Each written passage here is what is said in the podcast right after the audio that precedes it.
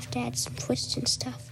Hejsan allesammans och välkomna till avsnitt 35 blir den här gången av Myrornas krig. Den här gången hade vi tänkt titta lite närmare på fenomenet M. Night Shyamalan. Det var lite fram, eh, panikkrystat fram här. Ja, lite så. Det För vi, vi hade ju som en storartad plan att vi skulle köra Sverige 88. Vi var väl redan i förra avsnittet vi inte säkra på att det skulle gå. Mm. Men eh, releasedatumet vart framflyttat från den 14 mars till typ den 4 april på besökarna. Så den här nya Blu-rayen. Så Det avsnittet är ju lite avhängt på den filmen. ja, vi har, jag har den på DVD men jag är jä- jäkligt sugen på Blu-ray. För den har lite extra scener och Mm. annat. Och, och då satt vi då hemma hos mig förra fredagen var som lite lur på vad vi skulle ha för något annat. Vi, hade som, vi bara såg så skulle bestämma att vi skulle se någonting. Ja. Och vi visste inte vad vi hade för tema. Men då såg jag eh, tecknet. Jag tittade i hyllan och hittade några second hand inom citationstecken fynd. Mm. Och det var Sjätte sinnet, Science och The Village. Så blev det. Innan vi går in lite mer på det då. Då kan vi väl i sedvanlig ordning. Hur har månaden varit för dig? Ja, det har varit en eh, ganska jobbig intensiv månad. Jag har som sagt tidigare så har jag, ska jag byta jobb. Eller har bytt jobb i detta ögonblick. Men de, eh, de där sista veckorna så jobbar jag väldigt mycket jourer. Så det har varit mycket Mm. förlossningar och sånt där. Men den här eh, veckan så började jag på akuten här i Umeå. Det känns väldigt roligt att testa något nytt. Mm. Det, jag tror att jag behövde eh, ett miljöombyte så får jag jag blir kvar där. Men det är inte omöjligt. Det var väldigt trevligt folk där.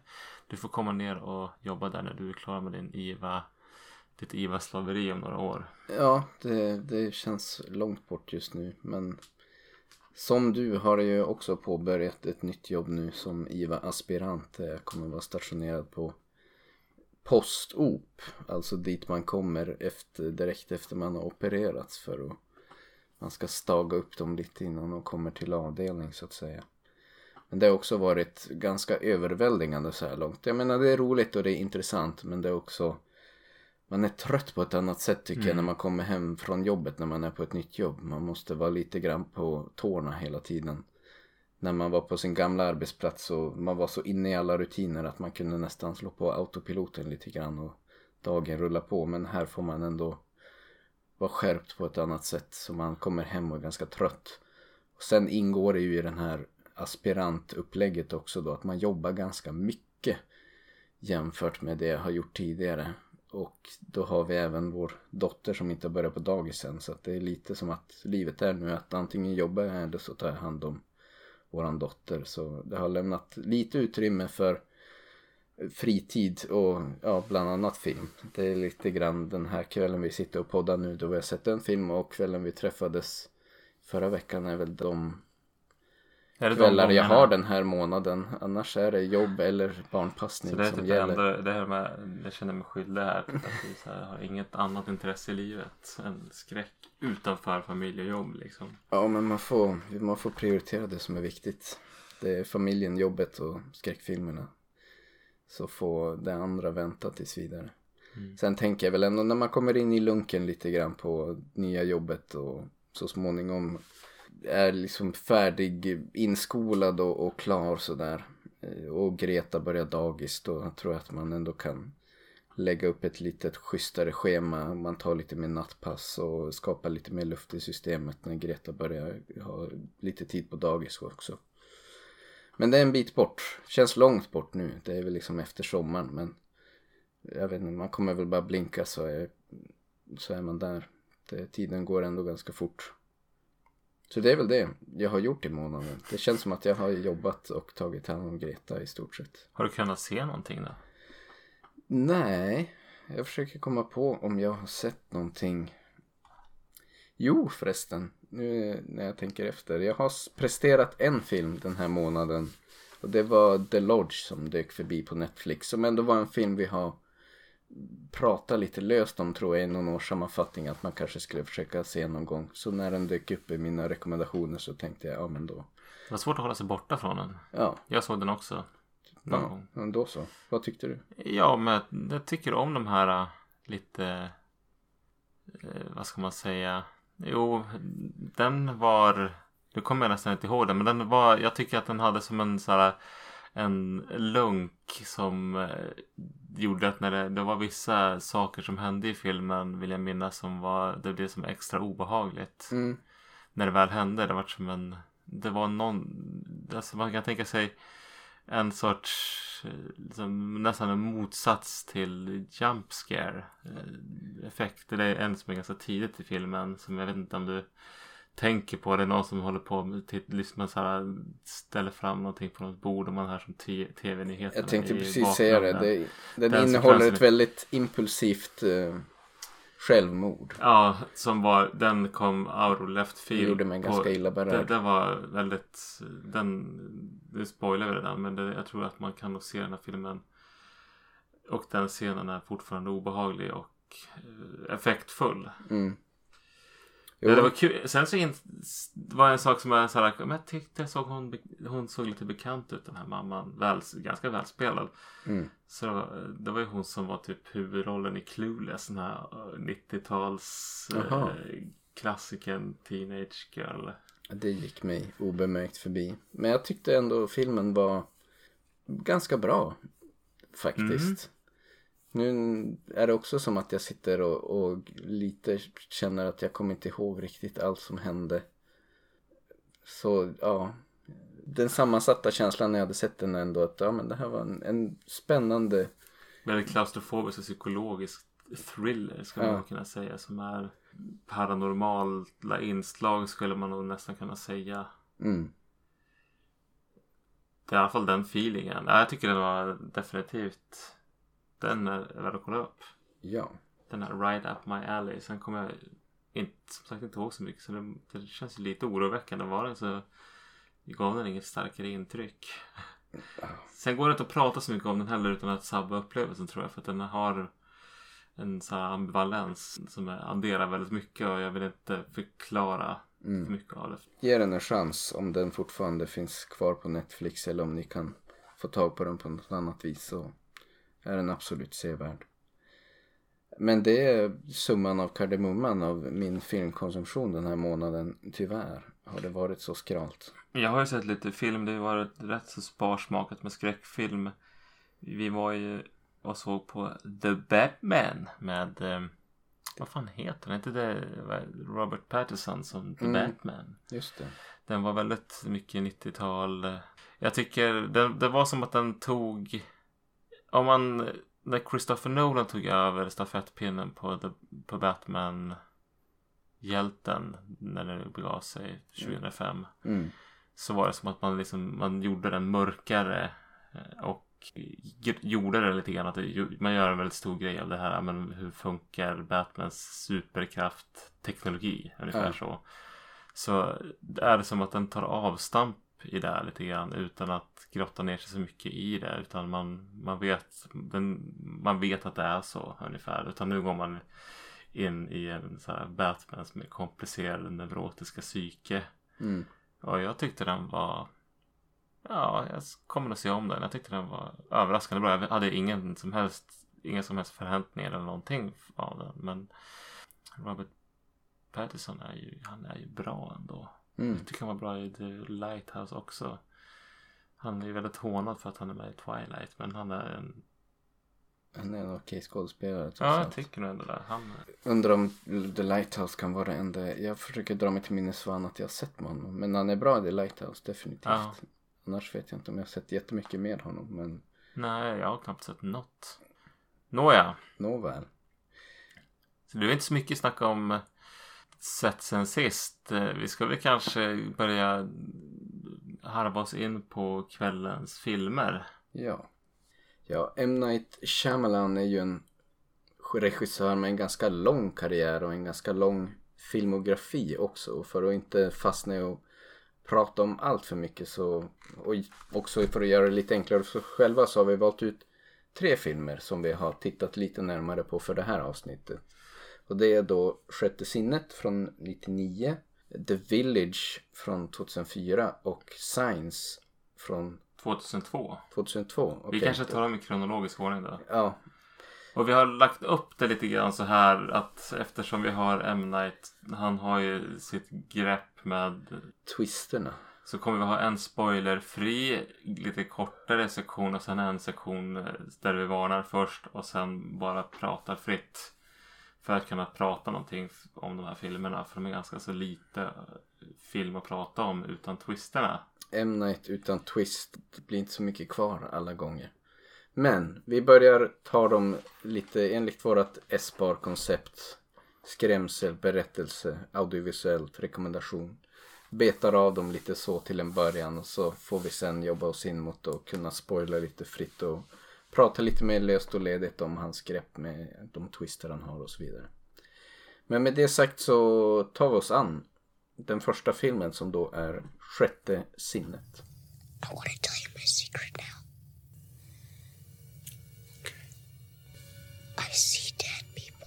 I Sjätte sinnet så får vi följa Bruce Willis som spelar Malcolm Crowe som är någon typ tidigare väldigt känd barnpsykolog men som eh, är lite på dekis efter att ha misslyckats med ett tidigare fall där en av hans patienter begick självmord men som då tar sig an Cole Sear spelad av Haley Joel Osment som är en Psykiskt sjuk pojke som påminner honom väldigt mycket om den här ex-patienten som han misslyckades med. Och för något sätt att liksom, vad säger man, redeem himself så tar han sig an det här fallet med den här pojken och, och följer honom. Och när han börjar skrapa mer på ytan så mm, upptäcker han väl att det finns mer mystik där i bakgrunden än bara en, en plågad pojke. Kind of. Nu försöker jag hålla mig spoilerfri här. Kanske överdrivet spoilerfri men Ja. det är väl, det är väl kontentan av det hela egentligen. Mycket av filmen kretsar kring deras samtal med varandra. Egentligen. Så ja, jag nöjer mig väl så så länge. Och så hoppar vi på ett S. S här. Ja, vi kan väl ändå spoila lite grann att det, man får ju liksom lite grann följa det här plågade barnets syner. Så det kommer ju en annan jumpscare när man får ta del av hans visioner, ska jag säga. Mm. Pojken i fråga är ju som tror i alla fall att han kan kommunicera med döda och att han eh, ser döda människor. Bruce Willis, psykologens karaktär, misstänker väl att han lider av någon form av hallucinations psykossjukdom eller någonting. Men de, de hallucinationerna och grejer manifesterar väl in det lite små otäcka jumpscares här och där. Men det är ju ändå ganska nedtonat på något vis. Det kändes som att det här var ändå en film som man ville få en 11 års åldersrating på eller något sånt där. Inte göra det för, för hemskt. Så att ändå man kan se det tillsammans med familjen. Men det är väl okej ändå, liksom mystik och spänning tycker jag någonstans som de bygger upp i den här filmen. Det är inte otäckt men det är ganska spännande. Det vill jag väl ändå påstå. Tycker jag. Ja, sen är det ju något, en eh, så här, eh, i, timme så pratar de om det återberättade som ett skräckelement och det är ju någon sekvens eller en scen där eh, Bruce Willis karaktär lyssnar på ett kassettband Mm, och får en revelation mm. på ett lite kusligt sätt men väldigt klyschigt sätt. Ja. Ja, men jag tycker det, S är en är in, egentligen inte i någon av kvällens filmer något jättestort element. Nej, det finns väl ett mått av spänning i mycket av Shyamalans filmer. Men sen är han ju, det känns mer som att han flörtar med skräckgenren än att faktiskt göra skräckfilm. Det är liksom inte otäckt på det viset. Men lite småkusligt här och där. Och ganska bra liksom mystik som man bygger upp.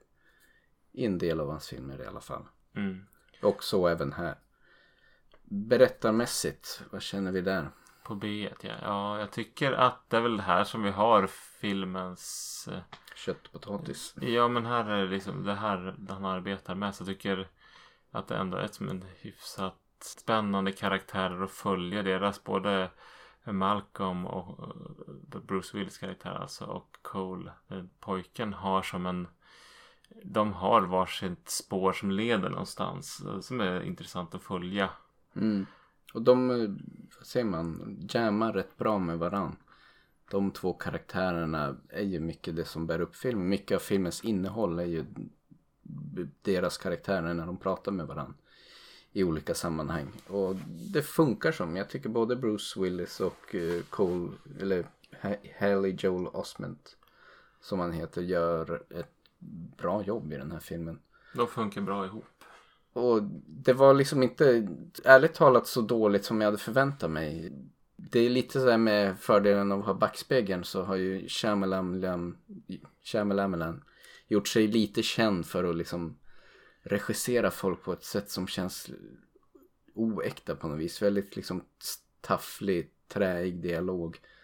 Som jag hade lite grann förväntat mig. För jag, jag vet inte gudarna om jag någonsin har sett Sjätte sinnet före vi såg den nu. Man har ju hört så mycket om den att man ändå visste ungefär vad som skulle kunna hända, eller vad som skulle hända. Men ja, men det var ganska bra ändå.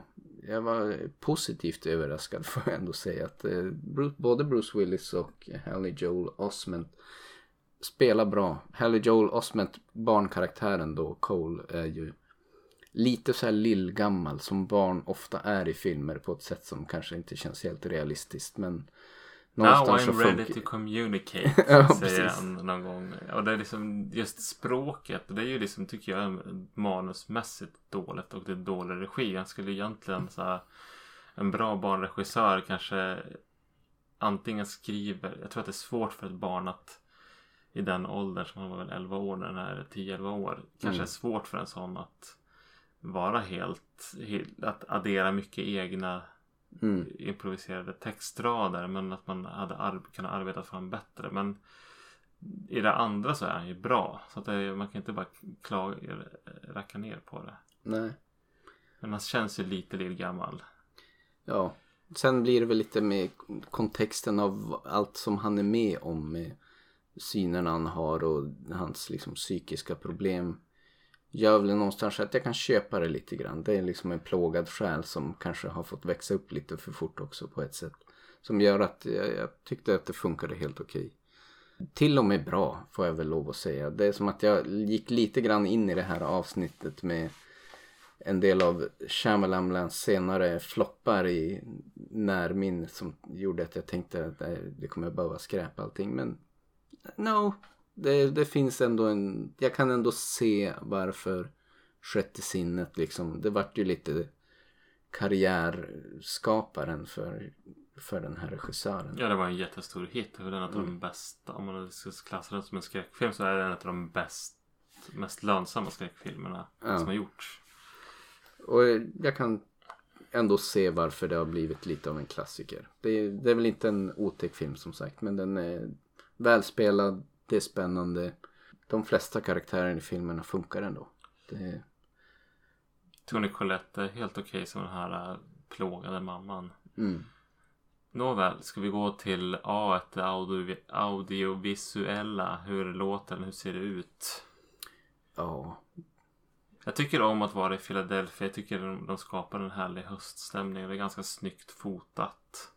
Väldigt 90-talet. Och det tycker jag om. Jag blir nostalgisk. Men mm. det är inget spektakulärt. jag gillar det nog lite av nostalgiskäl men det är nog väldigt personligt så. Men annars, jag vet inte, inte, egentligen inte om jag har så mycket att säga avseende det audiovisuella. Det, det funkar, men det är inte, det fanns inga liksom stand-out moments för mig riktigt. Eh, som jag kan pinpointa så. R då. Ja, men det är väl ändå en rekommendation. Jag som sagt gick lite grann in med ganska lågt ställda förväntningar faktiskt. Och de överträffades. Jag tyckte att det var en ganska bra film. Den är ju lite så här cheesy som många av hans filmer är och kanske inte så otäck. Men den är ändå en bra, spännande bitvis, bra liksom drama, rysar, thriller, hejsan hoppsan. Jag vet inte. Familjeskräckis. En, en, Familjeskräckis. som vi skulle kunna ta med i den här, den här gateway avsnittet vi gjorde med Mm. bra filmer att eh, börja med. Ja, precis. där, där skulle den absolut kunna falla in. Ja. Och det, som liksom för en skräcknörd, nej det kanske inte är någon rekommendation, men som film betraktat. Vi är inte några gatekeepers. Vi, vi, vill, vi vill eh, gate openers. Precis. Är... Så tycker jag ändå att eh, jag kan, jag kan förstå varför eh, det här blev en stor hit och varför Shyamalan fick nytt förtroende att göra mer filmer efter den här filmen. Jo, till och med min morsa som inte kan se den här typen alltså, av lite halv övernaturligt kanske filmer. Mm, Hon såg den och tyckte om den. Mm. Det tycker jag säger ganska mycket. Ja. Ja. Tummen upp för sjätte sinnet. Vi hoppar vidare mot nästa steg. Japp. Science. I've got it figured.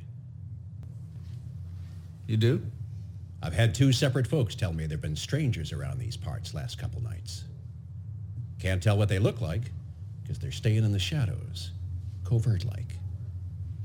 Nobody's been hurt, mind you, and that's the giveaway. I see.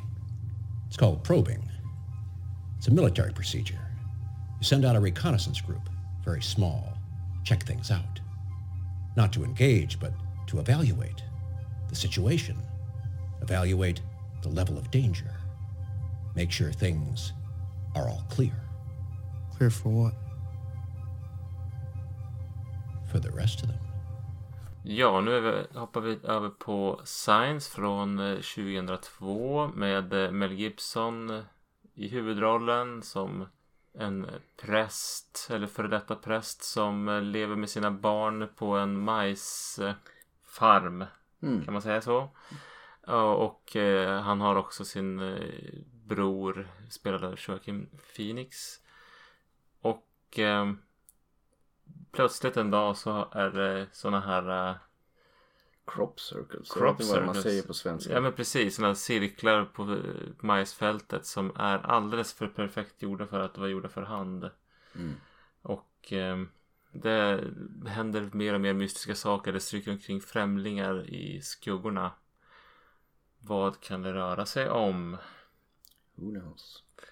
Ja, det är en ganska stjärnspäckad. M. Night Shy- Shyamalan har en förmåga att dra till sig stora namn. eh, I det här fallet då Mel Gibson och Joaquin Phoenix som ändå var på uppåtgående här. Och så har vi ju eh, Rory Culkin som spelar hans barn. Rory Culkin ser kanske bekant ut men det är för att det är Macaulay Culkin, Mm, just det. lillebrorsan till honom. Mm. M. Night Shyamalan är i vanlig ordning med själv.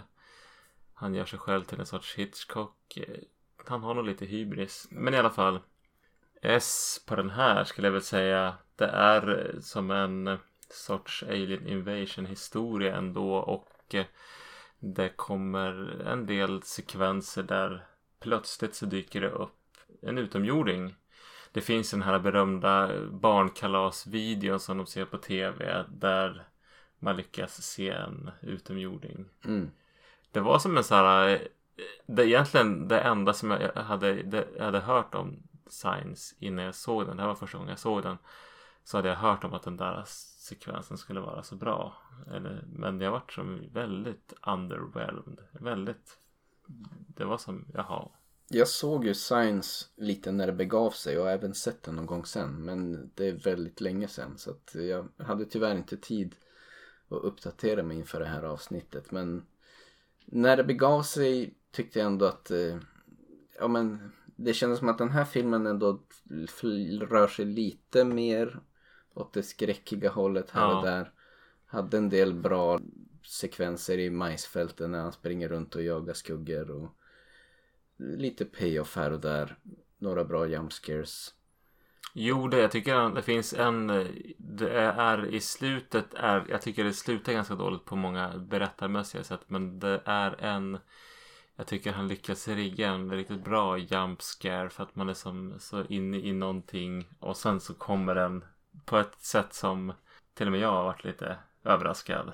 Mm. Nåväl. Ja, men det är väl det som händer som är skräckigt i den här som jag kan komma på.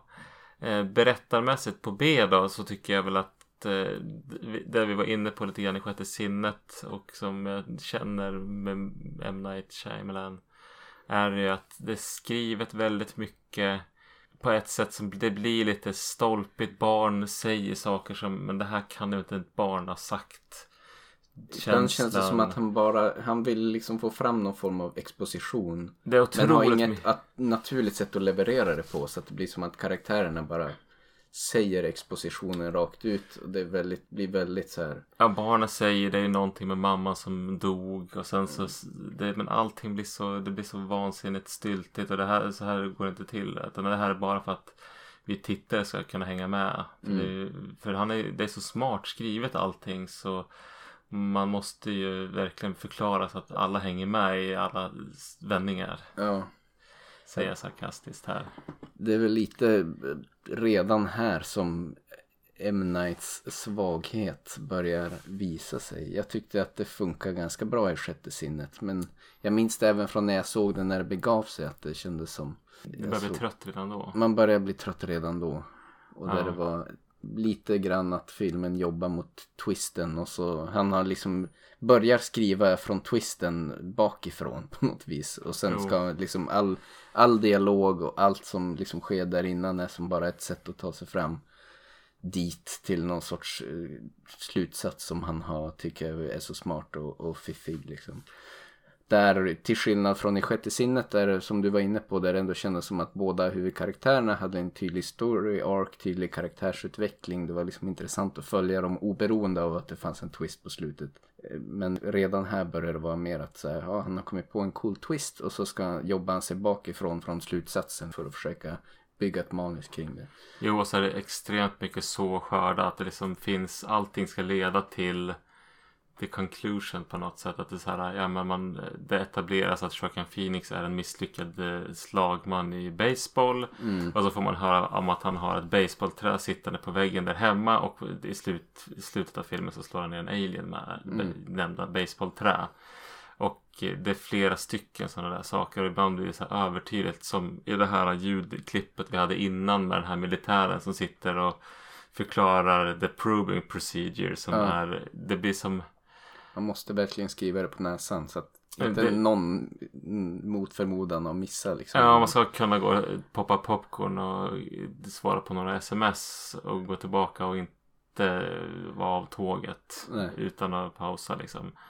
Men eh, ja, det som jag tycker är bra i filmen, jag tycker Mel Gibsons karaktär är ganska trä, tråkigt skriven. Jag tycker de flesta är ganska tråkigt skrivna, men Mel Gibson gör vad han kan med det här. Det är no- några gånger han ser riktigt bra plå- plågad ut ändå. Han kan skådespela. Man får säga vad man vill, vad man vill om hans eh, privatliv. Men jag tycker han är en bra skådis. Han kan ju, han kan ju leverera nerv.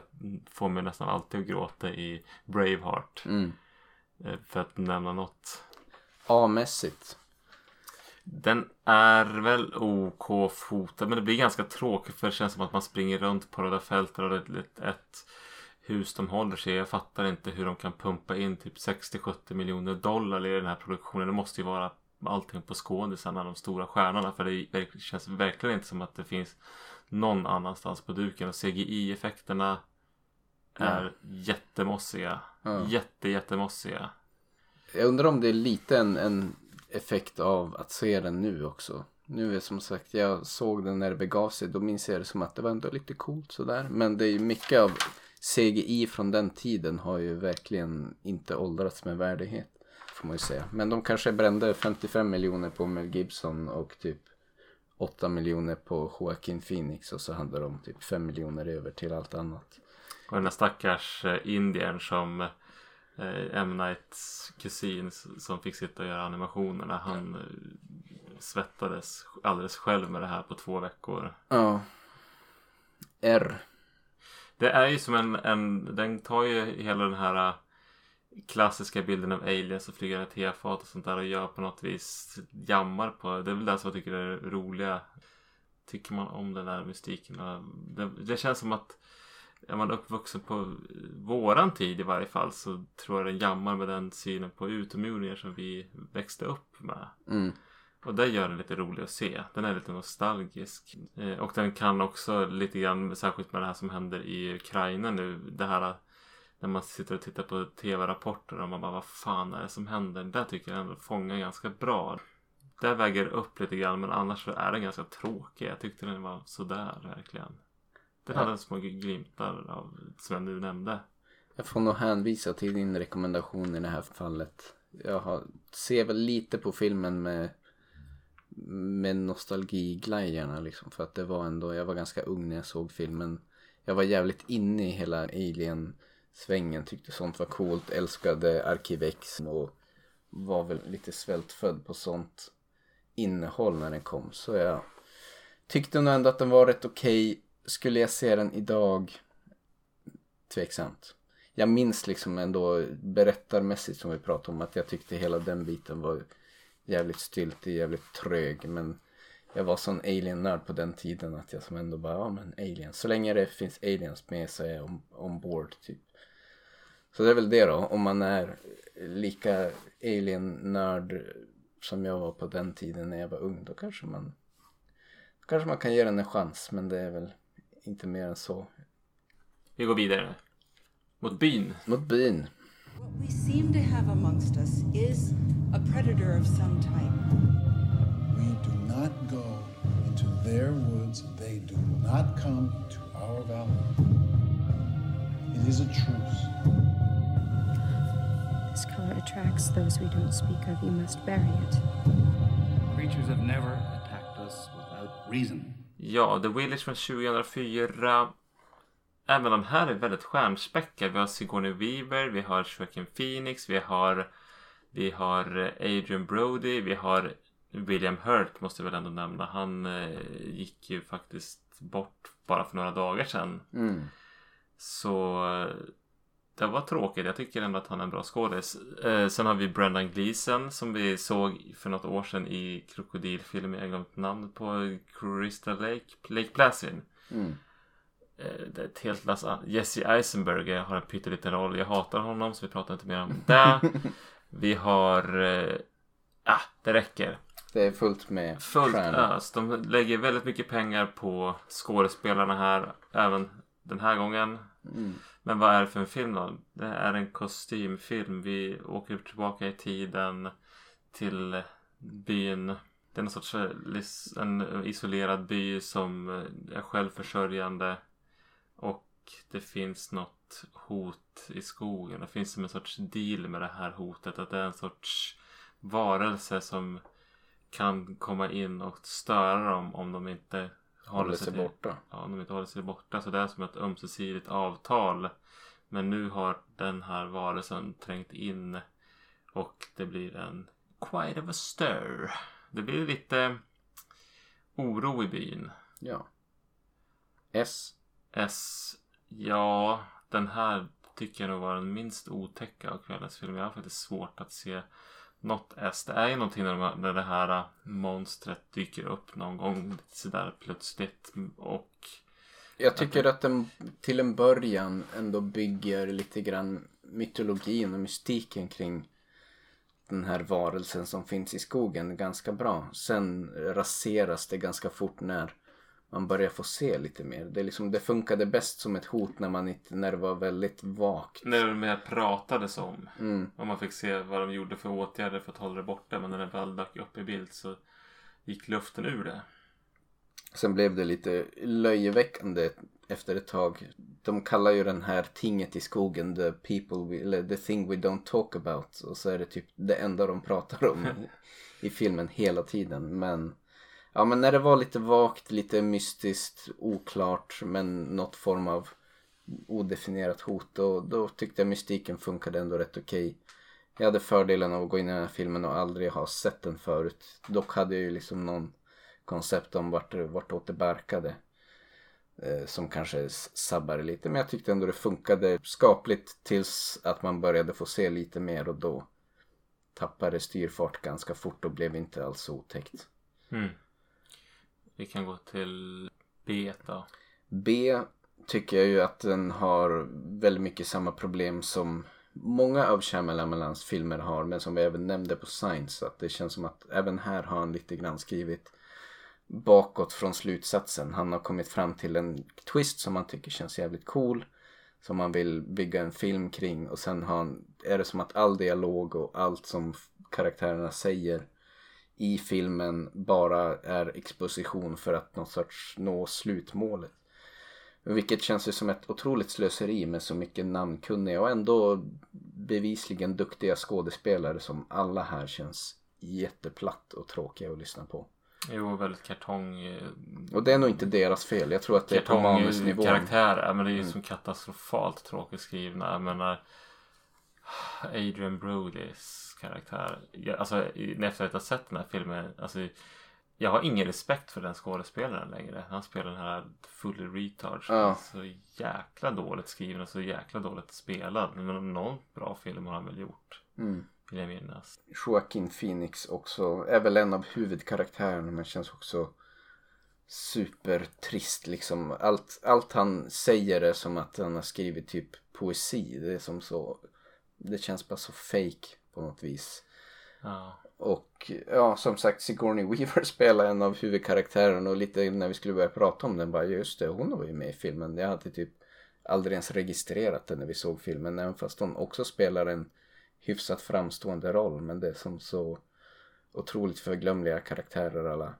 Ingen, ingen har riktigt någon story arc känns det som tar vägen någonstans. Arguably kanske lite Joaquin Phoenix och Bryce Dallas Howards karaktärer. Maybe. Men Ja, Men då går jag stör på att hon är gjord blind på ett sätt och det funkar inte heller. Det är som att eh, M. Night Shyamalan har tänkt Ja men hon ska vara Det finns anledningar till varför hon ska vara blind manustekniskt, plottmässigt Mm. behöver hon vara blind. Tror jag han tänker. Men han har inte gjort något bra utav det. Det vart inte alls bra. Det vart så orealistiskt och dåligt gjort. mm. Ah, jag vill bara spy galla. Sen så är det så, jag har ju, det här var andra gången jag såg filmen och jag visste twisten. Så för mig var det här ett riktigt sömnpiller. För, det fanns, för mig fanns det absolut ingenting att hämta i den här filmen. Ingenting. Nej. Alltså det, det blir ju som ändå att man känner att all, all dialog, alla scener är antingen totala fillers som är totalt meningslösa eller så är det någon form av exposition för att jobba sig fram mot twisten och det är allt filmen har. Och inte ens den kanske är så bra. Och särskilt om man på förhand lite grann vet vartåt det barkar så är det ju totalt meningslöst. Mm. Då finns det liksom sjätte sinnet kan man veta vad twisten är och ändå ha en bra behållning av ett, ett spännande karaktärsdrama. Men i Det här fallet, vet man twisten så finns det absolut ingenting att hämta. Det är helt, allting annat är helt meningslöst. Vi går, in, vi går in på A nu tycker jag. Ja, då känns det också som lite svårköpt. Alltså det ska ju föreställa att de här bor i den här byn och det är någon sorts nästan som självförsörjande community som bor här ute i den här byn, håller sig borta från egentligen alla andra utbölingar och skogen där det här odefinierade hotet finns.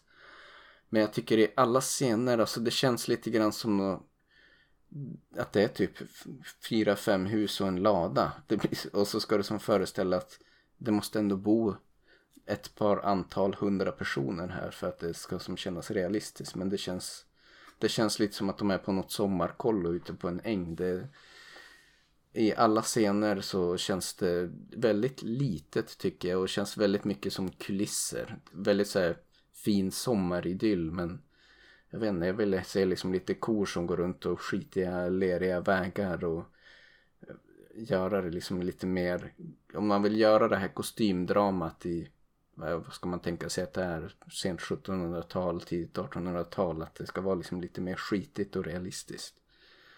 Som Ja. jag saknade, det var som, det kändes väldigt mycket som att de bara var på ett filmset mer än i en riktig Jo, gammeldags by. Nej men som en sån här äh, liksom äh, medeltidsveckan typ. Ja, exakt. Det var Att det som det är ingen där som arbetar utan de bara går omkring och är i kostym. Helt Nej men det känns som att med var är åkrarna, hur bärgar de skörden? Mm. Det får man ingen känsla av. Sen är det som, det finns ju vissa De använder färger lite fint och det är ganska med rött och gult och det där med och viss, Men det det bär ju inte upp mycket alltså. R. Nej, fet tumme ner på det här får man ju säga. Det är som sagt, vet man twisten är det totalt meningslöst. Vet du inte twisten är det fortfarande It's not, det är inte så himla bra ändå. Tyvärr, alltså det, av, av de här tre filmerna vi har sett så tycker jag den här är överlägset sämst. Dock har jag ju som sagt den gången jag såg på Science var rätt länge sedan så jag har inte lika det först i minnet men det här var ett riktigt bottennapp. Som jag, jag hade inte sett den tidigare när vi såg den här i förra veckan. Eh, Men jag har inte kunnat undgå att ändå veta lite grann om filmen och visste ungefär vartåt det barkade. Så det gjorde mig som ännu mer irriterad när man bara satt och såg på allt och kände hur meningslöst allting var. Och man bara väntade på att den här twisten skulle komma som i slutändan var en ganska sunkig payoff ändå. Så nej, fet tumme ner från mig. Ja. Och känns lite emblematisk för vad som komma skall i, i M. Night Shyamalans filmkarriär. Ska vi gå in på spoiler-territorium nu på de här filmerna? För det kanske, vi kanske ändå behöver prata lite grann om det. För att han bygger så mycket runt sina twistar. Vi slänger upp en liten varningsflagg nu för de som absolut inte vill få det spoilat. Så vi kan prata lite mer löst och ledigt kring Shyamalanans filmer och hans twist, twister. Jo. Nej men för, för det känns som att det är, eh, om du ska prata om The Village. Om man säger jämför den med Sjätte sinnet så har ju, tycker jag ju att så här, det finns i kara- för karaktärerna finns det det är en twist för Bruce Willis att han, ja men jag är ju död och han behöver bara fatta det liksom. Mm. Och säga de här sakerna i sin frus öra för att kunna gå vidare. Ja. Och känna att ja, men hon älskade mig, hon saknade mig, jag är död, det bara acceptera läget och jag har eh, gott gjort det här genom att hjälpa det här barnet. Mm. Och de sår lite Och- frön längs vägen som ändå kan leda en dithän. Sen samtidigt som den Som ibland kan kännas- också. precis, det blir lite krystat att man hamnar i olika scener där det känns mer som att de är i ett kyligt äktenskap just nu efter någon kris. Mm.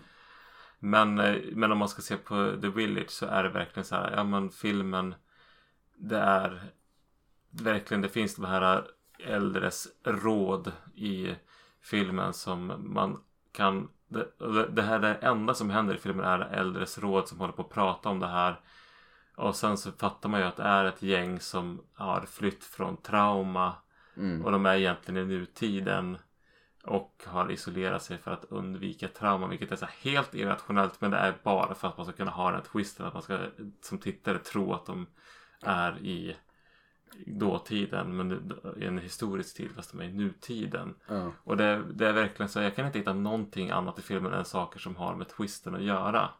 Nej. Och det totalt tomt. Ja, nej det var verkligen, verkligen, verkligen så dåligt.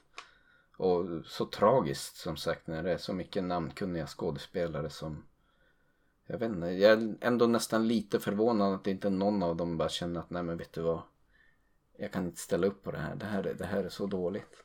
Men han var ju... Det fanns Men han var ju en- superhet Ja, fortfarande på den tiden. Men det kändes som att det här började liksom slutta lite grann efter The Village. Så kom väl typ Lady in the Water och The Happening sen. Och det, som efter The Happening kändes det som att då försvann han lite från radarn ett tag. Han blev ett meme. Ja. Nej, The Science, Science är ju inte så twist-tung. Mm. Men den har några twister som det känns som att han, även om det liksom inte, jag menar The Village känns som att den, hela filmen bygger på twisten. Jag tycker Science handlar mer om, får jag känslan av i varje fall, om att M. Night är lite intresserad av eh, de här eh, crop circles och alien invasion och vill liksom utforska det ämnet. Mm. Och då blir egentligen twisten så här, ja men vi har ett sorgetema, vilket i och för sig är i alla tre filmerna vi har sett, ett starkt eh, sorgetema. Men det här sorgetemat där Mel Gibson har tappat tron och så handlar det grann om att han hittar tillbaka till tron. Eh, och den stora twisten är att ja, men nu kommer en alien invasion och vi är nu helt underlägsna. Mm. Men de klarar sig. Mm. Sen är det ju vansinnigt korkat hur de klarar sig. Att de här... Vi går tillbaka till det här militären som pratar om probing. Att de håller på med probing för att se att det är safe här nere for the, rest of them. Ja. Vad är det som händer när de kommer ner? De upptäcker att de är allergiska mot vatten. Och man kan fan inte sätta sig fot på jorden utan att märka att man är allergisk mot vatten när man är så känslig mot vatten. Ja. Det är liksom vattenånga. Du kan liksom inte komma in i atmosfären utan att märka det. Det är så urbotat dumt. Så det blir som, men vad fan kan du inte skriva en bättre twist? Han gör ju också en ganska stor poäng i intervjuer om att han är släkt, eller hans föräldrar är läkare. Kan inte du prata med dem? Är det här rimligt? Mm. Ja, det är så Visserligen är ju alien medicine kanske inte, men i alla fall. Men det är, väl, det är väl samma i The War of the Worlds. Sen kan man som ändå förlåta den för att den är, var då från typ 20-talet. Den är från man få- Den är 1800-talet. från tror jag till och med. 1800-talet Eller- så är det från 20-talet. Ja. Jag vet inte, men den är jättegammal. Gammal i alla fall. Det kände, man kan förlåta det lite mer där. Att, men Du- att du- den, den eh, dumma twisten skulle göra comeback i Science 2002 eller vad det var kändes ju bara så Ja sjukt. men jag tycker i, i, i Science är den jättedum för i det, jag vet inte hur det är i original War of the Birds. Nu minns jag den här från filmen från 50-talet så var det någon sorts parasiter i vattnet som Mm. de inte hade räknat med. Så Mm. dog de av det. Ärligt talat för mig är väl kanske egentligen eh, den nya adaptionen, liksom det som är färskast i minnet. Med Tom Cruise och Ja. gänget. Men den är väl ändå helt okej? Jo, jag tyckte den var liksom, nu ska vi inte börja prata om det i och för sig, men jag tyckte Twist, den har ju lite grann det twist-slutet också som känns jävligt dumt, men det är ganska spännande dessförinnan. Eh, Men ja, vi ska inte hamna på någon sidospår om Tom Cruise, utan Shyamalan ligger i fokus. Som sagt, jag tycker väl med de här tre filmerna i bagaget så jag kan förstå varför Sjätte sinnet gjorde succé och varför M. Night Shyamalan fick förnyat förtroende. Up to a point. Men sen till slut blev det ju som nästan löjeväckande hur folk fortsatte att kasta pengar på den här regissören. Han fortsatte att leverera väldigt mediokra filmer. Ja, han har ju hur mycket som helst. Och det är dyra filmer. Det är ju liksom inte... Mm. Det är ju inte de här eh, lågbudgets B-filmer. Vilket jag tror skulle passa honom bättre. Och han till- blev ju lite av ett skämt nästan till slut. Kanske särskilt efter The Happening. Det kändes som kulmen av dåligt skådespeleri och dåligt manusarbete. Från hans sida som bara leder mot en jävligt korkad twist. Och sen var det lite som att han... Det blev liksom ett litet glapp därefter när han tappade styrfart. Sen har han tydligen ändå gjort en del storfilmer som jag inte ens visste om. Han kom ju till, gjorde comeback sen med The Last Airbender som var jättedyr film som superfloppade. Fick förnyat förtroende igen och gjorde After Earth som också var en väldigt, väldigt dyr produktion som ja, tydligen broke even mer eller mindre. Men jag har ju sett den och tycker också den är bedrövligt kass. Men jag var aldrig, jag fattade aldrig när jag såg den att det var en Shyamalan-film. Där byter han ju i och för sig tema lite grann. Det är inte liksom det klassiska Shyamalan konceptet. Jag tycker nästan det bästa jag har sett med honom eh, reservera reserverar mig för att jag inte sett Split. Jag har hört en del som ändå säger att den är, den är rätt bra den. Så jag kanske får ge den en chans. Men den här eh, lite mindre nyare filmen han gjorde 2015, The Visit. Där, det känns som lite rätt nivå när du pratar om att han borde fokusera på lite mindre produktion. Den kändes som lagom nivå. Den har liksom de klassiska Shyamalan-ingredienserna med twist och grejer. Lite styltigt skådespeleri här och där men den är som tillräckligt kort historia för att jag hinner inte liksom börja irritera mig allt för mycket på det innan. Den blir liksom inte så högtravande cheesy heller vill jag minnas. Det var det ju typ när den kom vi såg den. Mm. Men den, jag tror att hans twistande hit och dit kanske passar i en mer i en, i en film som inte är så jäkla, har så höga pretensioner utan bara är en, en liksom lite halvskoj genrefilm. Mm. Och inte försöker vara en blockbuster. Han blir väl lite extra som ett skämt också med den här lite hybris-grejen att han likt Hitchcock alltid ska se till att skriva in sig själv i manuset. Så att han är alltid med och spelar någon roll i sina egna filmer. Det, ja, jag vet inte, det kanske är en budgetfråga att han liksom bara måste in någon karaktär här. Jag, jag tar det väl liksom. Men han är, Nej. ju själv, han är ju själv usel skådespelare. Och det känns som att han bara, han vill få med sig själv där för att visa att vad cool han är. Men Jag tror att han bara är Det- fåfäng. det känns som att han lite sätter sig på Hitchcocks nivå och så är det som bara, men lugna ner dig Shyamalan. liksom det, det är inte bra. Och de roller han gör i filmen är ofta eh, riktigt dåliga också. Han läser upp sina repliker och försöker, man bara väntar på att det ska gå åt helvete men Mm. det, det känns som att det var den här tagningen han lyckades bäst på Mm. när han inte gjorde bort sig. Jag är inte bättre skådis själv men jag har heller inte varit med i en film. Nej, och skulle jag mot förmodan göra en film så skulle jag kanske inte ha sån hybris och tänka att ja, men jag måste se till att skriva in mig själv i det här manuset så att jag får visa upp mig lite grann. Men eh, ja, vad ska vi säga om Shamalamalam som, som helhet? Om man ska summera. Nu som sagt, vi har ju haft fokus på de här filmerna men man har ju sett lite Shyamalan hit och dit. Ja, han, har ju, är ju liksom, han har ju ändå kunnat hålla sig aktuell. Han kom ju med Old här om året. Det kanske är någonting vi, jag kommer se bara av rent intresse. Jag har ingen lust att gå in och göra något mer M. Night Shyamalan i podden. Jag tycker väl att det är som en, han har på ett plan haft en väldigt bra karriär och han kanske får ganska mycket skit just för att han har liksom blivit en så stor. Skulle han ha liksom varit en filmskapare som har hållit sig mer inom B-film så kanske han hade liksom haft bättre Rykte. eh, bättre rykte. Det kan ju vara så att han har, han har, när han har gjort så stora filmer så har hans filmer blivit för mycket. För det, det blir, med mycket pengar blir det också många kockar liksom. Mm, mm. Att där kan ha förstört en del men samtidigt så är det svårt att säga. Han kanske skulle haft en, hans konstnärskap hade mått bättre av billigare filmer. Tror jag. Jag tycker sammantaget som sagt Sjätte sinnet, ja. Men jag vet inte om det har så mycket att skryta om efter det. Det visse tyckte jag var ganska trevlig comeback från hans sida. Ja, den är lite skojig och knasig på ett sätt. Ja. Sen ska jag väl ändå säga att jag får väl lov vid tillfälle att ge Split en chans. Jag känner mig väldigt skeptisk men jag har ändå hört ganska många som säger att jo men den är, den är ganska spännande, den är helt okej. Så innan jag såg honom helt vid fotknölarna ska jag kanske ge Split en chans. Men annars tycker jag bortom sjätte sinnet är det väldigt mycket riktigt dåligt alltså. Särskilt på manusplan som sagt. Som känns som att det går igen i flera av hans filmer. Där det är liksom riktigt dåligt skriven dialog och så här cheesy, högtravande. Ja, man får nästan rysningar när man sitter och lyssnar på det alltså. Det är för mig ett mysterium hur han har kunnat få så mycket förnyat förtroende och hur många produktionsbolag som är villiga att, att kasta nästan ändlösa summor pengar på honom för att göra nya filmer. Men jag menar folk ser dem väl, det finns väl ändå en anledning. Ja, det, jag tror att det, han, hans trademark är väl att han har en twist och det kan dra en del folk till biograferna bara för att man ska se vad ska han hitta på nu för någonting. Och sen så får också många säga ja, jag såg twisten, jag visste vad det var långt innan alla andra. Mm. Så då kommer de gå på film.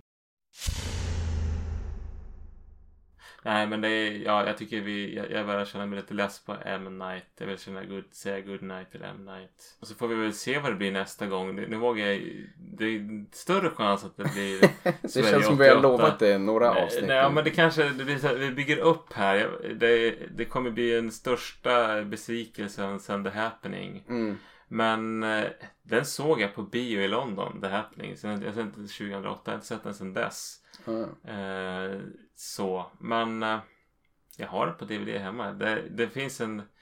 Det, M. Night Shyamalan är lätt att hitta på second hand-affärer. DVD.